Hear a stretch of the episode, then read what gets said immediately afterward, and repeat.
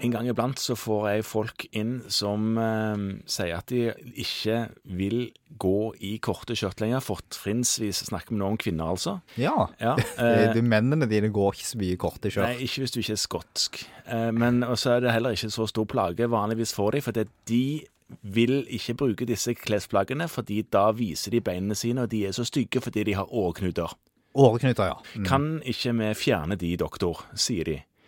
Og så er Ja. det ikke noe særlig andre plager. De har ikke fine bein. Nei. Fordi at disse åreknutene er skjemmende. Og det kan jeg være med på. Det skjønner jeg at de syns. Men er det grunn nok til å få det fjerna, liksom? Nei, altså, hvis det bare er stygt, Ja. og det er jo en subjektiv vurdering Veldig få som, som finner det svært lekkert med svære åreknuter. Men, men hvis det bare er stygt, så er det strengt tatt en kosmetisk operasjon. Og det er ikke Det dekkes ikke av det offentlige. Nei.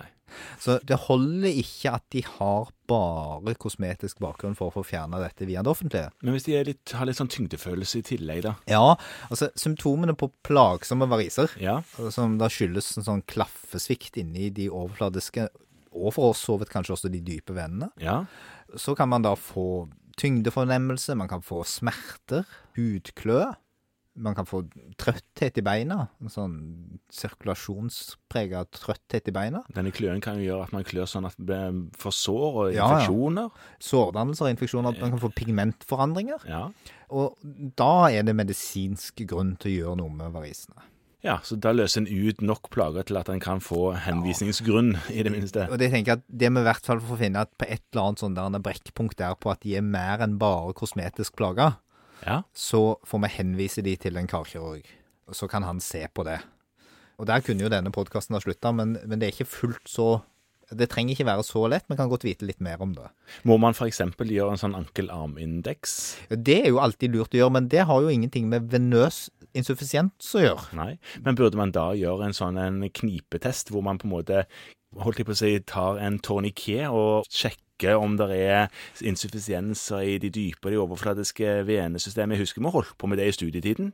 Ja. Men det er vel omtrent det jeg husker. ja, du husker et eller annet noe om å prøve å klemme av de overfladiske venene. Ja, altså se hvor den der insufficiensen i klaffesystemet satt hen. Ja, for det hvis du da, og nå er dette virkelig fritt etter eh, en svekket hukommelse, at hvis du da løfter foten opp og tømmer den for blod, og så setter den ned igjen, etter å ha klemt av vena safena magna på den måten der, Ja, og, og Hvis tømt du for da- blod, altså i venesystemet, vel å merke. Ja.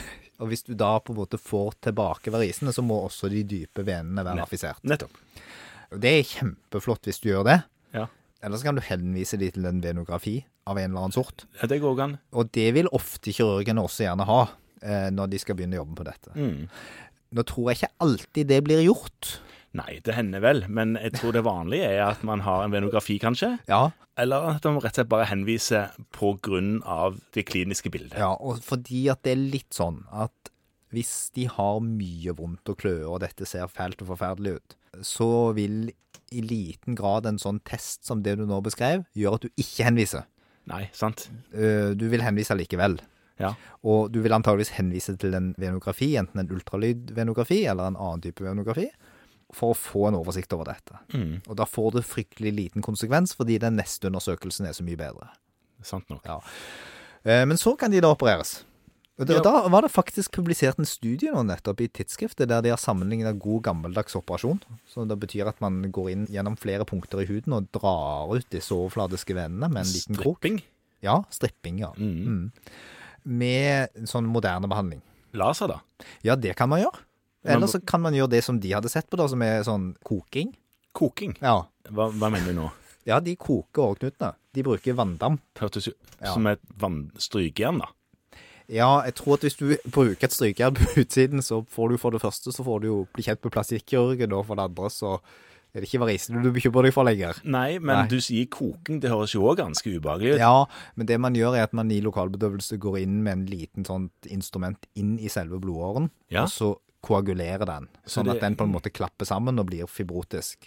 Og, og forsvinner på den måten. Ja. ja. Og det kan jo være en effektiv og fin metode. Og det de viser i denne studien, da, som, som jeg ikke helt har finlest i detalj, er at da, da får man litt mindre vondt og litt mindre sykefravær hvis man gjør det I den Kon- kokingen? ja, kontra en operasjon. Fordi det er en litt mindre invasiv metode. Ja. Ja. Men den har ikke tatt med sammenligna òg med laserbehandling og Nei, sånt? det har den ikke. Nei. Men, men det kan jo være greit å vite om for pasienten, for fastlegen, at det finnes forskjellige måter å gjøre dette på. Ja, det er sant.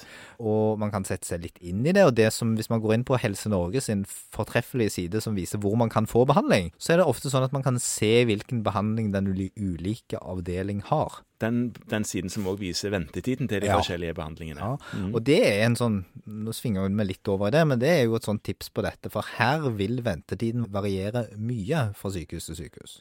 Ja, og i tillegg, eh, oppå det, så kommer det òg private aktører som gjør den samme, i alle fall kanskje ikke alle modalitetene, men gjør, gjør en del. Ja, og tar seg godt betalt for det. Tar seg gyselig godt betalt, og, og sikkert eh, noe å tenke på hvis det er voldsomt lang ventetid på lokalsykehuset. Ja. Men det finnes forskjellige metoder, og det som vi skal huske på, er at metodene sånn teknisk sett gir Ja. like godt resultat. Du blir kvitt vårknutene dine. Du blir kvitt årknutene dine i akkurat like stor grad, og residivfrekvensen ser ut til å være ganske lik. Mhm. Men det er kanskje en forskjell i hvor lenge du er syk, og hvor vondt det gjør. Og hvordan du ser ut etterpå, sånn med tanke på arr. Det er det heller ikke noen stor forskjell på. Nei, det er ikke det, nei. Nei, nei. Det blir noen små merker, og de forsvinner som oftest. Selv med den strippingen. Ja, Ja. Eh, ja for du, du åpner liksom ikke langs hele blodåren. Nei, jeg skjønner det. Nei, Bare lager- akkurat det du trengs. Ja, Mm. eh, og så drar du liksom ut litt herfra og litt derfra. Ok, ja. Men det må fra vår side være en god medisinsk indikasjon for å henvise til dette. Så det nytter ikke med, med den kosmetikken og at du ikke fikk brukt det fine skjørtet fordi det, det ser ikke fint ut.